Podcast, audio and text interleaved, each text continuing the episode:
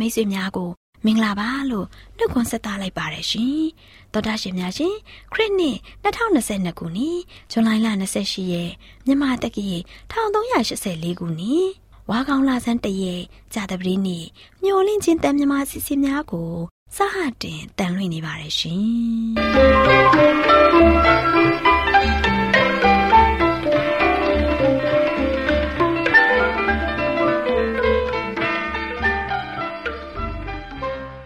တော်တာရှင်များခင်ဗျာမျော်လင့်ချင်းအတန်မြန်မာအစီအစဉ်ကိုနနက်6နာရီမိနစ်30မှ9နာရီအထိ16မီတာ kHz 10653ညညပိုင်း9နာရီမှ9နာရီမိနစ်30အထိ25မီတာ kHz 11623ညမှနေ့စဉ်အတန်လှွင့်ပေးနေပါတယ်ခင်ဗျာဒီကနေ့ကြာသပတေးနေ့မှာထုတ်လွှင့်ပေးမယ့်အစီအစဉ်တွေကပျော်ရွှင်ချမ်းမာခရစ်ယာန်သာသနာအစီအစဉ်စံပြအိမ်အောင်ရေးအစီအစဉ် အစာအာဟာရဆိုင်ရာအကြံပေးချက်အစီအစဉ်တို့ဖြစ်ပါတယ်ရှင်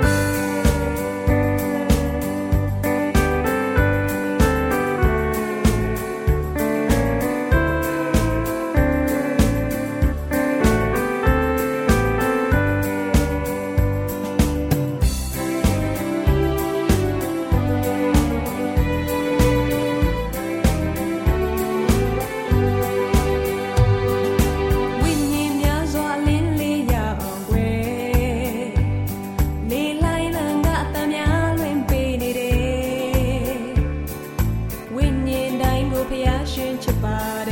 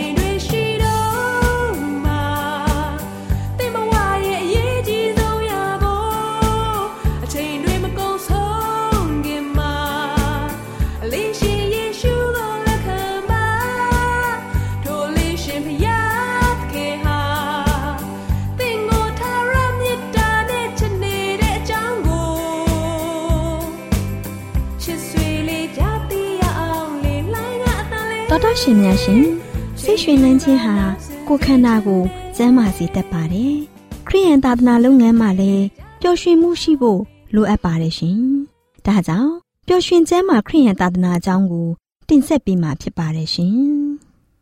။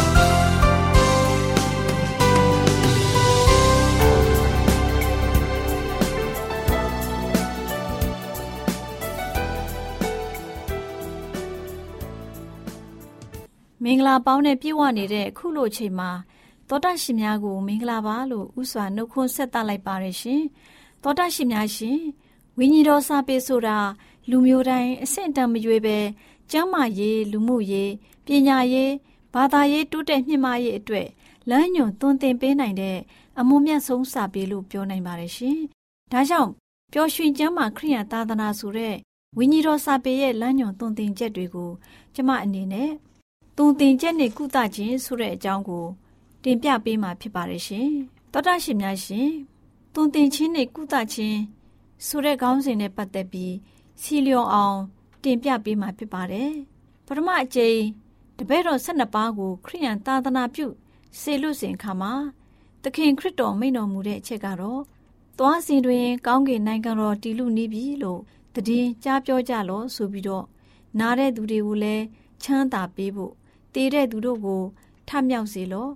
အနာကြီးယောဂဆွဲတဲ့သူတို့ကိုတန့်ရှင်းစေကြလို့နတ်ဆိုးတို့ကိုလည်းနှင်ထုတ်ကြလို့သင်တို့သည်အဖိုးမပေးဘဲကျေးဇူးတော်ကိုခံရပြီဖြစ်၍အဖိုးမပေးဘဲပေးကမ်းကြလို့ဆိုပြီးနှုတ်ကပတ်တော်ကဖော်ပြထားပါတယ်။တပည့်တော်ခုနှစ်ကျိတ်ကိုဆေလွတ်စဉ်အခါကလည်းလူနာကိုချမ်းသာပေးကြလို့ဖျားသခင်၏နိုင်ငံတော်သည်တင်တို့၌တီထောင်သောအချိန်နီးပြီဆိုပြီးသူတို့ကို ဟောပြောခိုင်းတယ်။သူတို့နှင့်အတူသခင်ခရစ်တော်၏တကူပါရှိသောကြောင့်ထိုခုနှစ်ကျိတ်သောတပည့်တော်တို့သည်ဝမ်းမြောက်သောစိတ်နှင့်ပြန်လာ၍သခင်ကိုရောဤနာမအားဖြင့်အကျွန်ုပ်တို့သည်နှတ်ဆိုးကိုပင်နိုင်ပါသည်ဟု ဆိုပြီးတော့ပြောကြပါတယ်။ဆိုပြီးနှုတ်ကပတ်တော်ကဖော်ပြထားပါတယ်။သခင်ခရစ်တော်ကောင်းကင်နိုင်ငံတော်ကိုပြန်ကြွမြန်းသွားပြီးတဲ့နောက်တပည့်တော်တွေဟာအဲ့ဒီအမှုကိုဆက်လက်ပြုလုပ်ခဲ့ပါတယ်။ကိုတော်ရဲ့အမှုတော်ကို တဖန်ပြုလုပ်ခဲ့ကြတယ်။ပဝန်းကျင်မှာရှိတဲ့မြို့ရွာသူရွာသားအပေါင်းတို့ဟာအနာဆွဲတဲ့သူနတ်ဆိုးညင်းဆဲတဲ့သူတွေကိုခေါ်ဆောင်ခဲ့ပြီးယေရုရှလင်မြို့ကိုစုဝေးလာခဲ့ကြတယ်။နောက်ပြီးလူနာအပေါင်းတို့ဟာအနာကင်းလွတ်ခြင်းကိုရောက်ရှိကြပါတယ်။နှုတ်ကပတ်တော်ကဖော်ပြထားတာကဖိလိပ္ပုသည်လည်းရှမာရိမြို့သို့သွား၍ခရစ်တော်၏အကြောင်းကိုဟောလေ၏လူအစုဝေးတို့သည်ကြား၍ဖိလိပ္ပုပြုသောနမိတ်လက္ခဏာတို့ကိုမြင်သောအခါ သူ၏စကားကိုတညီတညွတ်တီနားထောင်ကြ၏အကြောင်းမူကားနတ်ဆိုးတို့သည် ထွက်သွားကြ၏ကိုမလုံနိုင်သောသူ ခြေမစွမ်းသောသူအများတို့သည်ပဂတိအဖြစ်သို့ရောက်ကြ၏ထိုမြို့သူမြို့သားတို့သည် အလွန်ဝမ်းမြောက်ခြင်းရှိကြ၏လို့နှုတ်ကပတ်တော်ကဖော်ပြထားပါတယ်ခရစ်ဝင်ကျမ်းတစောင်ကို ပြုစုခဲ့တဲ့လူကာဟာခရစ်ယာန်ကျမ်းမာရေးသာသနာပြုတူဖြစ်ခဲ့ပါတယ်ကျမ်းစာမှာလူကာကိုငါချစ်သောဆေးသမားလူကာလို့ခေါ်ဆိုထားပါတယ်။ ပေါလုဟာသူ့ရဲ့ဆေးဘက်ဆိုင်ရာစွမ်းရည်ကိုကြားသိရတဲ့အခါမှာဘုရားသခင်ကတာဝန်ပေးအနှံထားတဲ့သူတူအဖြစ်အတိမပြုပြီးအတိအမှပြုပြီးတော့ရှာဖွေခဲ့ပါတယ်။လူကာနဲ့အတူတွဲဖက်ပြီးတော့နေရာအမြောက်အများခရီးထွက်ခဲ့ပါတယ်။တော်တော်ကြာတဲ့အခါမှာလူကာကိုမာကေဒေါနိပြည်ဖိလိပ္ပုမြို့မှာထားခဲ့ပြီးအဲ့ဒီမြို့မှာလူကာဟာနှစ်တော်တော်ကြာကြာဆရာဝန်တူအဖြစ်နာမကျန်းတဲ့သူတွေကိုဆေးကုသပြီးတော့ကျန်းစာကိုသင်ပေးခဲ့တဲ့ သူအဖြစ်နဲ့ဖျားသခင်အမှုတော်ကိုထမ်းရွက်ခဲ့ပါတယ်။ဆရာဝန်တူအဖြစ်မကျန်းမမာတဲ့သူတွေကိုပြုစုပြီးတဲ့နောက်ဖျားသခင်ရဲ့ပျောက်ကင်းစေနိုင်တဲ့တကူတော်ဟာသူတို့အပေါ်ကိုကြားရောက်စေဖို့ဆုတောင်းပေးခဲ့ပါတယ်။ဒီနည်းအဖြစ်ခရိယန်ဧဝံဂေလိသတင်းစကားပြန့်ပွားရေးအတွက်လမ်းဖွင့်လှစ်ခဲ့ပါတယ်။ဆေးဆရာဝန်တူအဖြစ်ရရှိတဲ့အောင်မြင်မှုတွေဟာဖျားတရားမဲ့သူတွေအကြားမှာသခင်ခရစ်တော်အကြောင်းကိုဟောပြောနိုင်ဖို့အခွင့်အရေးအမြောက်အများကို လူကာကိုအားရစေခဲ့တယ်။ကျမတို့ဟာလည်းတပည့်တော်တွေကဲ့သို့ပဲလှုပ်ဆောင်ဖို့အလိုရှိပါတယ်။ကိုယ်ကာယကျမ်းမာခြင်းကိုခရိယန်ဧဝံဂေလိအမှုတော်နဲ့တွဲဖက်ရမယ်။ခရိယန်ဧဝံဂေလိအမှုတော်မှာတုံသင်ခြင်းနဲ့ဆေးကုသခြင်းအမှုကိုဘယ်အခါမှမခွဲခြားလို့ခွဲခြားလို့မရပါဘူး။တပည့်တော်တွေရဲ့တာဝန်မှာခရိယန်ဧဝံဂေလိတရားတော်ကိုပြန့်ပွားစေဖို့ဖြစ်တယ်။လူသားတွေအတွက် သခင်ခရစ်တော်ယူဆောင်ခဲ့တဲ့သတင်းစကားတွေကိုကဘာအနှံ့ကိုတည်ဆောင်ပြန့်ပွားစေဖို့သူတို့ကိုအနှင်းထားပါတယ်။တပည့်တော်တွေဟာလူအားလုံးအတွက်အမှုတော်ကြေပွန်ခဲ့ပါတယ်။မျိုးဆက်တစ်ခုအတွင်းတိုင်းပြည်အသီးအသီးကိုဧဝံဂေလိတရားတော်ပြန့်ပွားစေခဲ့တယ်။ဒီလောကကိုခရိယံဧဝံဂေလိတရားပြန့်ပွားရေးတာဝန်ဟာဖျားသခင်ရဲ့နာမတော်ကိုခံယူသူတူရဲ့တာဝန်ဖြစ်တယ်။ဖျားသခင်ပျောက်ကင်းစေနိုင်တဲ့တကူတော်နဲ့ထိတွေ့သူတိုင်းဟာ ဖျားသခင်ရဲ့ကျေးဇူးတော်သတင်းစကားကို လူသားအသီးအသီးတို့အသိပေးခဲ့ပါတယ်။သခင်ခရစ်တော်ဟာအေဝံဂေလိတရားတော်နဲ့အတူတပည့်တော်တွေကိုစေလွတ်တဲ့အခါမှာဒီလောကမှာဖျားသခင်နဲ့နှုတ်တော်ထွက်စကားမှာယုံကြည်မှုပျောက်ကွယ်လျက်ရှိတယ်။ဖျားသခင်ကိုတိကြောင်ပြောဆိုနေတဲ့ယူဒလူမျိုးတွေတောင်မှဖျားသခင်ရဲ့စကားတော်ကိုပယ်ရှားပြီးလူအတွေးခေါ်တဲ့အယူဆတွေကိုအစားထိုးလျက်ရှိပါတယ်။ တကူကောင်းဆံမှုတွေဝါကြွားမှုတွေလောဘတက်မှုတွေကြီးစိုးလျက်ရှိပါတယ်။ဖျားသခင်ကိုချစ်ကြောက်ယူသေးခြင်းနဲ့လူလူတနာခြင်းတွေမရှိပါဘူး။ကိုကိုကိုချစ်တဲ့စိတ်သာကြီးစိုးလျက်လူသားမျိုးနွယ်တစ်ခုလုံးဆင်းရဲခြင်းရောက်ရှိဖို့ပျက်စီးဖို့စာရန်ဟာသဘောကျလျက်ရှိတယ်။စာရန်ဟာလူကိုအုပ်စိုးလျက်ရှိပြီးဖျားသခင်တည်ရှိရမယ့်လူကိုတော့မှခန္ဓာတွင်းနှက်ဆိုးတွေနေရာယူထားတယ်။လူရဲ့အာယုံတွေအကြောတွေနဲ့ ကိုယ်ခန္ဓာအစိတ်ပိုင်းတွေဟာစာရန်ရဲ့ထိမ့်ချုပ်မှုကြောင့်ပြင်းပြလျက်ရှိတယ်။လူရဲ့ရုပ်သွေးမှာစာရန်ရဲ့ရုပ်တရံကိုမြင်နေရတယ်။လူများရဲ့မျက်နာမှာသူတို့အထက်မှာဆွဲကပ်လျက်ရှိတဲ့နတ်ဆိုးတွေရဲ့ရုပ်သွင်းကိုမြင်ခဲ့ရပါတယ်။ဒီနေ့လောကရဲ့အခြေအနေဘယ်လိုရှိနေပါသလဲ။သခင်ခရစ်တော်ဒီလောကမှာရှိစဉ်အခါကပါရိရှဲတွေရဲ့ထုံနှန်းစင်လာများဟာကျမ်းစာမှာတည်တဲ့ယုံကြည်ခြင်းကိုဖျက်ဆီးတဲ့ဤတူဒီနေ့လေဝေဖန်ကဲ့ရဲ့ ရှုံချမှုတွေဟာအဲ့ဒီယုံကြည်ခြင်းကိုဖျက်ဆီးနေတယ်မဟုတ်ပါလား။ရှင်းဤတူပဲယခုအခါမှာလူများရဲ့နှလုံးမှာလောဘကိုကိုကိုချစ်တဲ့စိတ်နဲ့အပျော်ပါကျူးချင်းတွေနဲ့ပြည့်နေပါတယ်။ခရိယန်လောကနဲ့သခင်ခရစ်တော်ရဲ့အသင်းတော်လို့ဆိုတဲ့အတိုင်းဝန်းမှာခရိယန်တွေရဲ့ပြည့်ညတ်တော်တွေကိုလိုက်လျှောက်သူသူတွေဟာနှဲပါလာပါတယ်။လူမှုရေးအိမ်မှုရေးနဲ့ဘာသာရေးမှာလူအ ਨੇ စုသားလင်ဖျားသခင်ရဲ့တုံတင်ချက်တွေကိုမိမိတို့ရဲ့နေ့စဉ် လမ်းညွှန်ချက်တွေအဖြစ်လိုက်လျှောက်လျက်ရှိတယ်။တရားသည်အဝေးကရရွနေ၏ဖြောင့်မတ်သောသဘောမဝင်နိုင်ရာအပြစ်ကိုရှောင်သောသူသည်လူယူခြင်းကိုခံရ၏လို့နှုတ်ကပတ်တော်ကဖော်ပြထားခဲ့ပါတယ်။ဖျားသခင်ကိုချစ်တဲ့သူတွေဟာအံ့ဩရတဲ့အဖြစ်ကဆိုးဆက်ရောက်နေတဲ့ခေတ်မှာကျမတို့အသက်ရှင်နေတယ်။ကလောင်အားဖြင့်ရေးမပြနိုင်လောက်အောင်အပြစ်များပြီးပြည့်ရှံနေတယ်။နေ့စဉ်နေ့အမျှနိုင်ငံရေးအငင်းပွားမှုတွေလက်ပေလက်ယူမှုတွေ လိန်လည်မှုတွေကြားသိနေရတယ်။နေ့စဉ်စိတ်နှလုံးထိခိုက်ရတဲ့တိုက်လံမှုတွေနဲ့စီကံမဲ့တဲ့အပြုအမူလူသားချင်းချင်းမေတ္တာမဲ့မှုတွေနဲ့ရက်ဆက်စွာ လူသားတွေအချင်းချင်းတိုက်လံဖြစ်စည်းတာကိုကြားသိရတယ်။နေ့စဉ်နဲ့မျှစိတ်မနှံ့တဲ့သူတွေလူသားမှုတွေကိုယ့်အသက်ကိုအဆုံးစီရင်မှုတွေအကြောင်းကိုလည်းကြားသိနေရတယ်။စာရန်ဟာလူသားတွေရဲ့ကိုယ်ခန္ဓာကိုဖျက်ဆီးဖို့စိတ်ကိုညှဉ်းညူးစေဖို့မိမိလှုပ်ဆောင်လျက်ရှိတာကို ဘယ်သူမှမငြင်းပယ်နိုင်ပါဘူး။တောတရှင်များရှင်ပျော်ရွှင်ကျမ်းမာခရိယန်သာသနာဆိုတဲ့အကြောင်းကိုကြားနာသိရှိရခြင်းဖြင့်တောတရှင်များကိုဖျားသခင်ကောင်းကြီးပေးပြီးဝိညာဉ်ခွန်အားရရှိနိုင်ကြပါစေလို့ဆုတောင်းမေတ္တာပို့သလိုက်ပါတယ်ရှင်။ချောင်းသွေးတွေကပါရင်ချင်းလက်လျှောက်တော့ခဲ့စဉ်တော့မှကိုရောလမ်းပြပါစင်နီကစေပါ လူဘဝကြီးဟာလေတကယ်ကိုတိုးတောင်းလို့နေတွေ့မှမြေမှာသက်ရှိစေကိုရောနေနီးစေပါကိုရောရဲ့အေးမြမြတာရှိအောင်မှာကိုနာခွေပေးပါအစင်းကြီးရှုပါ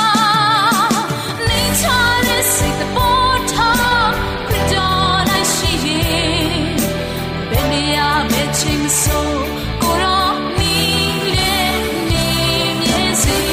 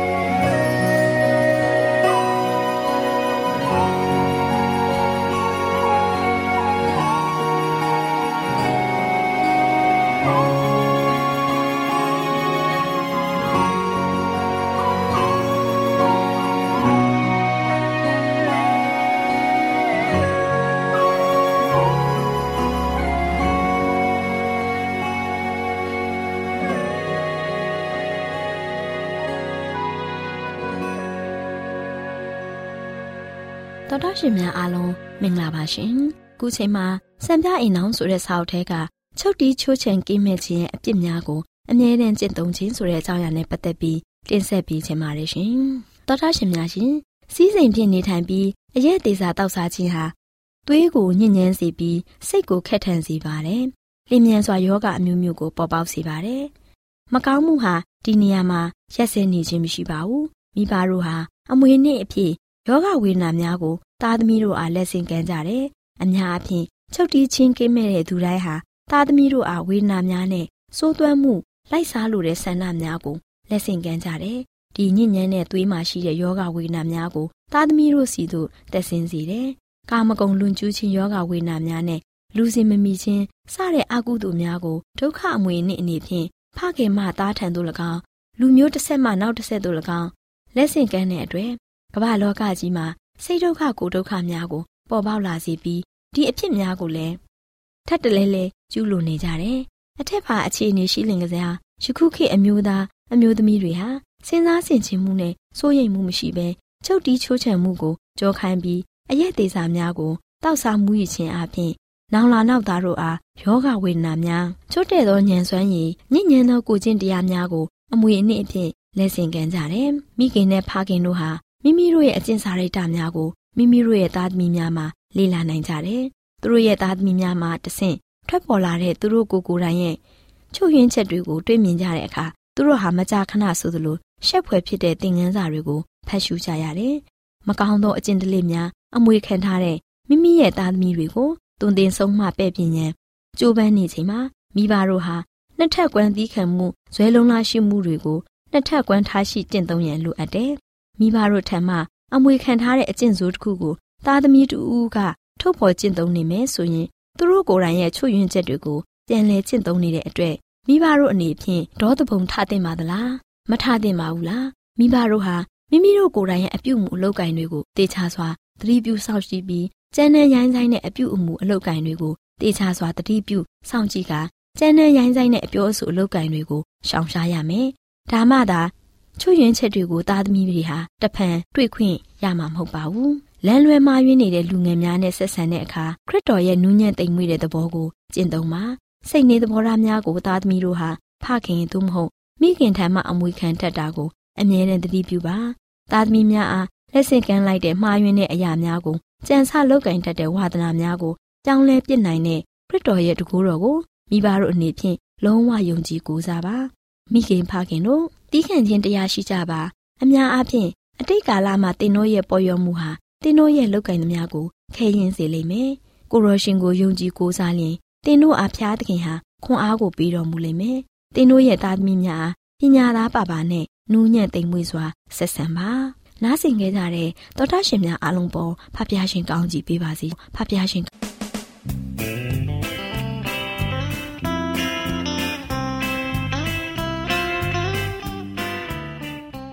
သောတာရှင်မိတ်ဆွေများရှင်လူသားတို့အသက်ရှင်ရေးအတွက်အစာအာဟာရကိုမျှဝဲစားတောက်နေကြရတယ်ဆိုတာလူတိုင်းသိပါပဲဒီလိုမျှဝဲစားတောက်ကြတဲ့အခါမှာစားတောက်မှုမမှန်ကန်တာတွေစားတောက်မှုအချိန်မတော်တာတွေကြောင့်ကျန်းမာရေးထိခိုက်လာလို့ယောဂဗျာတွေတိုးပွားပြီးဒုက္ခဝေဒနာတွေခံစားကြရတာဖြစ်တယ်။ဒါကြောင့်အစာအာဟာရတွေကိုကျန်းမာရေးနဲ့ညီညွတ်အောင်ဘယ်လိုစားတော့သင့်တယ်လဲဆိုတာသိရှိဖို့အတွက်ကျမတို့မျှဝင့်ခြင်းအတ္တမထုတ်လွှင့်ပေးမဲ့ အစာအာဟာရဆိုင်ရာအကြံပေးချက်တွေကိုလေ့လာမှတ်သားကြပါစို့သောတာရှင်များရှင်ဒီနေ့အစာအာဟာရဆိုင်ရာအကြံပေးချက်ကဏ္ဍမှာစားသုံးဖို့တင့်လျော်တဲ့အစာအစာများမှာဖျားသခင်ရွေးပေးတဲ့မူလအစာအစာအကြောင်းကိုတင်ပြပေးမှာဖြစ်ပါတယ်ရှင်သောတာရှင်များရှင်ကျမတို့အတွက်အသင့်လျော်ဆုံးဖြစ်တဲ့အစာအစာကိုသိရှိနိုင်ဖို့လူသားတွေအတွက်ဖျားသခင်အစကနဦးကျွေးခဲ့တဲ့အစာတွေအကြောင်းကိုလေ့လာကြရမှာဖြစ်တယ်လူသားတွေကိုဖန်ဆင်းတော်မူပြီး လူသားတို့ရဲ့လိုအပ်ချက်ကိုသိတော်မူတဲ့ဖျားရှင်ကကြည့်ရှုလော့မြေတပြင်လုံး၌စဘာသီးကိုဖြစ်စေသောစဘာပင်အမျိုးမျိုးတို့ကို၎င်းမျိုးစေ့ကိုဖြစ်စေသောအသီးနှင့်ပြည့်စုံသောတစ်ပင်အမျိုးမျိုးတို့ကို၎င်းတင်တို့စားเสียဖို့ငါပေး၏လို့မိန့်တော်မူခဲ့ပါတယ်။အေဒင်ဥယျာဉ်မှထွက်ခွာလာခဲ့ပြီးတဲ့နောက်အပြစ်ရဲ့ကြိမ်ချင်းအမင်္ဂလာအောက်မှာထုံရက်ခြင်းအဖြစ် အသက်မွေးရတဲ့အခါမှာတော့လယ်မှာဖြစ်တဲ့ဟင်းသီးဟင်းရွက်တွေကိုလူသားတွေစားခွင့်ရလာကြပါတယ်။တစ်စေတွေတစ်သီးတွေအခွန်မာသီးတွေနဲ့ဟင်းသီးဟင်းရွက်တွေဟာလူတွေအတွက်ဖျားသခင်ရွေးချယ်ပေးတဲ့အစားအစာတွေဖြစ်ပါတယ်။ဒီအရာတွေကိုတဘာဝကြကြရိုးရိုးစင်စင်ရိုးရိုးစရိုးစင်းစွာ ပြင်ဆင်စားသုံးခြင်းဟာကျန်းမာကြီးထွားမှုကိုအင်မတန်မှဖြစ်စေပါတယ်။အဲ့ဒီအစာတွေဟာ တခြားရှုပ်ထွေးစွာ ပြင်ဆင်ထားတဲ့အစားအစာတွေကမပေးစွမ်းနိုင်တဲ့ခန္ဓာရည်စွမ်းအားတွေနဲ့အသိဉာဏ်ခွန်အားတွေကိုလည်းပေးစွမ်းနိုင်ပါတယ်။သောတာရှင်များရှင်ဖျားသခင်ဟာလူသားမျိုးနွယ်တစ်ခုလုံးစားသင့်တယ်လို့သတ်မှတ်ထားတဲ့အစာတွေကိုကျမတို့မိဦးဖဦးတွေကိုကြွေးခဲ့ပါတယ်။အေဒင်ဥယျာဉ်မှာတည်ချင်းဆိုတာမရှိသေးတဲ့အတွက်တခြားသတ္တဝါတွေရဲ့အသက်ကိုစားခြင်းဟာဖျားရှင်ရဲ့ အကြံစီတော်နဲ့ဆန့်ကျင်နေပါတယ်။ဥယျာဉ်မှာရှိတဲ့အပင်မအသီးတွေဟာလူသားတွေလိုအပ်ချက်ကိုဖြစ်စည်းပေးနိုင်တဲ့အစာတွေဖြစ်ပါတယ်။ဖျားသခင်ဟာမိမိလူတွေကိုရိုးစင်းတဲ့အသီးအနှံနဲ့ဟင်းသီးဟင်းရွက်တွေကိုစားသုံးအသက်ရှင်နေထိုင်တဲ့အသက်တာမျိုးကိုပြန်လည်ပို့ဆောင်ဖို့ရည်ရွယ်ထားပါတယ်။လူသားတွေကိုစားသုံးဖို့ပေးခဲ့တဲ့မူလအစာကိုစားသုံးဖို့ထာဝရဘုရားသခင်ဟာလမ်းပြတော်မူနေပါတယ်။သူတို့စားသုံးမဲ့အစာမှာ တစ်သီးတစ်စိအခွန်မာသီးတွေအပြင်တစ်မြစ်အမျိုးများစွာပါဝင်နေတာကိုသိရှိရတယ်။သောတာရှင်များရှင်အခုအချိန်ဟာအယိုးအစင်းဆုံးအစားအစာတွေကိုစားသုံးသင့်တဲ့အချိန်ဖြစ်နေပါပြီ။ဖျားသခင်ဟာလူသားတွေကိုသူတို့ရဲ့ဇာရိတစွမ်းအားတွေကိုပြုစုပြောထောင်စေလိုတော်မူပါတယ်။ဝကြည်တန်းကြည်လှုပ်ရင်အကွက်ချောင်းနေတဲ့သူတွေဟာကြွယ်ဝတဲ့စုမင်္ဂလာတွေကိုရမဲ့သူတွေမဟုတ်ကြပါဘူး။တက်ကြွတဲ့စိတ်ဉာဏ်ဆန်တဲ့ အတိတို့နဲ့ပြည့်စုံတဲ့သူတွေဖြစ်လာအောင် အမှုတော်မှာစ조사လှုပ်ဆောင်တဲ့သူတွေကိုဖះရှင်အလိုရှိနေပါတယ်။သူတို့ဟာအစားအသောက်မှာချုပ်တီးမှုလည်းရှိရမှာဖြစ်တယ်။အစီအအိတ်များပြီးအရသာခံစားတဲ့အစာတွေကိုအဲ့ဒီလူတွေရဲ့ဇပွဲပေါ်မှာမတင်သင့်ပါဘူး။အုံနောက်ဟာအမြဲတမ်းအလုရှုပ်နေတဲ့ကြားမှာကိုကာယလေ့ကျင့်ခန်းတွေမလုပ်နိုင်တဲ့အချိန်မှာရိုးရိုးအစာတွေကိုသာလျှော့လျှော့ပေါ့ပေါ့စားသင့်ကြပါတယ်။ကြည်လင်တဲ့စိတ် ခိုင်မာတဲ့ရည်မှန်းချက်ထက်မြက်တဲ့ဉာဏ်ပညာတွေကိုဒါယေလပိုင်ဆိုင်ထားရခြင်းရဲ့အရေးပါတဲ့အကြောင်းရင်းကတော့ဆူတောင်းခြင်းအသက်တာနဲ့ဆက်နွယ်နေတဲ့ရိုးစင်းတဲ့အစားအစာတွေကိုစားသုံးခြင်းပဲဖြစ်ပါတယ်။သောတာရှင်များရှင်လူတွေဟာယောဂမရစေတဲ့လမ်းစဉ်ကိုလိုက်ရမယ့်အစားယောဂရအောင်လုပ်ပြီးတော့ကိုကိုကိုယောဂဆိုးတွေလက်ထဲကိုကိုကိုကိုယောဂဆိုးလက်ထဲကိုဝက်ကွက်အနေကြပါတယ်။လူတို့ဟာ မူးယစ်ဆေးဝါးတွေကိုရှောင်ကြဉ်ပြီးတော့ကျန်းမာရေးစီးမြင်တွေကိုတိတိကျကျလိုက်နာသင့်ပါတယ်။အသက်တာကိုလည်းကိုယ့်ရဲ့အသက်တာကိုကိုမျက်နှိုးလို့ရှိရင်ရိုးစင်းစွာပြင်ဆင်ထားတဲ့ရိုးရိုးအစားအစာတွေကိုသာစားပြီးတော့ကာယလေ့ကျင့်ခန်းကိုပို့ပြီးတော့လှုပ်ဆောင်သင့်ပါတယ်။အိမ်သားအသီးသီးတို့ဟာကျမ်းမာခြင်းပြုပြင်ပြောင်းလဲရဲ့ အကျိုးကျေးဇူးတွေကိုရယူခံစားဖို့လိုအပ်ပါတယ်။မိုးရဆေးဝါးသုံးစွဲခြင်းကိုအမြဲထာဝရရှောင်ကြဉ်ရမယ်။အဲ့ဒီအရာဟာယောဂကိုမပြောက်ကင်းစေနိုင်သေးတာမကဘူး။ခန္ဓာကိုယ်အတွင်းမှာရှိတဲ့လှုပ်ရှားမှုတွေကိုအားနည်းသွားစေပြီးတော့ယောဂဗျာတွေကိုပို့ပြီးတော့အဖြစ်မြန်စေပါတယ်ဆိုတဲ့အကြောင်းကိုအစာအာဟာရဆိုင်ရာအကြံပေးချက်ကဏ္ဍမှာကျန်းမာရေးအတွက်အကြံပေးတင်ပြလိုက်ပါရရှင်။သောတာရှင်များရှင်လန်းချမ်းမြေ့ကြပါစေရှင်။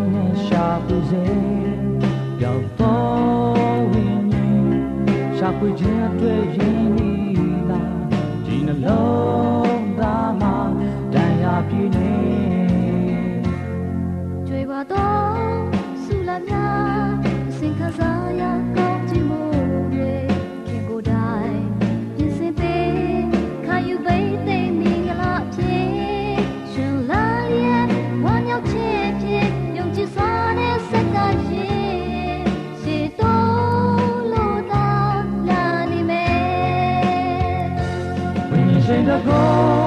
သုံးလောက်ခါဘုလိုနိုင်ငံတွေစက္ကတူဘုလိုစီရကွာဆုံးဝယူခန္ဓာတီတီဒီကမြေကလေးပေးနေသူရှင်တန်နေနေသခင်တဲ့ဒီကကုန်ဒီချီစက္ကမဲပေးစားတဲ့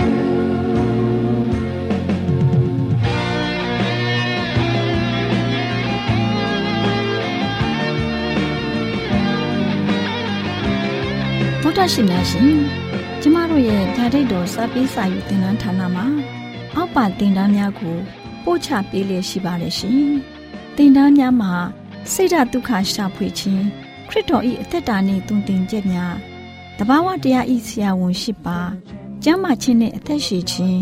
သင်နဲ့တင့်ကြမာရေးရှားဖွေတွေ့ရှိခြင်းလမ်းညွန်သင်ခန်းစာများဖြစ်ပါရဲ့ရှင်။သင်တန်းအလုံးဟာအခမဲ့သင်တန်းတွေဖြစ်ပါတယ်။ ဖြစ်ဆိုပြီးတဲ့သူတိုင်းကိုဂုံပြုလွှာချီးမြှင့်ပေးမှာဖြစ်ပါရဲ့ရှင်။တော်တာရှင်များခင်ဗျာဓာတိတော်အတန်းစာပေးစာယူဌာနကိုဆက်သွယ်ခြင်းနဲ့ဆိုရင်တော့ဆက်သွယ်ရမယ့်ဖုန်းနံပါတ်ကတော့39 656 296 336နဲ့39 98 316 694ကိုဆက်သွင်းနိုင်ပါတယ်။ဒါ့အပြင်တော့အတန်းစာပေးစာဥထာဏာကိုအီးမေးလ်နဲ့ဆက်သွယ်ခြင်းနဲ့ဆိုရင်တော့ l a l r a w n g b a w l a @gmail.com ကိုဆက်သွင်းနိုင်ပါတယ်။ဒါ့အပြင်တော့အတန်းစာပေးစာဥထာဏာကို Facebook နဲ့ဆက်သွယ်ခြင်းနဲ့ဆိုရင်တော့ S O E S A N D A R Facebook အကောင့်မှာဆက်သွင်းနိုင်ပါတယ်။ AWR မျော်လင့်ခြင်းအတန်ကိုအားပေးနေတယ်တော်တာရှင်များရှင်မျော်လင့်ခြင်းအတန်မှာအကြောင်းအရာတွေကိုပုံမသိရှိပြီးဖုန်းနဲ့ဆက်သွယ်လိုပါက39 2939 3926ခွန်45နောက်ထပ်ဖုန်းတစ်လုံးအနေနဲ့39 688 464 48ခွန်ကိုဆက်သွယ်နိုင်ပါတယ်ရှင် AWR မျော်လင့်ခြင်းအတန်ကိုအားပေးနေတဲ့ဒေါက်တာရှင်များခင်ဗျာမျော်လင့်ခြင်းအတန်ကအကြောင်းအရာတွေကိုပုံမသိရှိလိုပြီးတော့ ဖုန်းနဲ့ဆက်သွယ်လို့မယ်ဆိုရင်တော့39 253 396 465နဲ့39 688 464 48ခွန်ကိုဆက်သွင်းနိုင်ပါတယ်တောတာရှင်များရှင် KSTA အာကခွန်ကျွန်းမှာ AWR မျိုးလင့်ချင်းအတံမြန်မာအစီအစဉ်များကိုအတံလွှင့်တဲ့ခြင်းဖြစ်ပါတယ်ရှင် AWR မျော်လင့်ခြင်းအတန်ကိုနာတော်တာဆင် gay ကြတော့တောတာရှင်အရောက်တိုင်းပေါ်မှာ ဖျားသခင်ရဲ့ကြွယ်ဝစွာသောကောင်းကြီးမင်္ဂလာတက်ရောက်ပါစေကိုယ်စိတ်နှဖျားစမ်းမွှေလန်းကြပါစေကျေးဇူးတင်ပါတယ်ခင်ဗျာ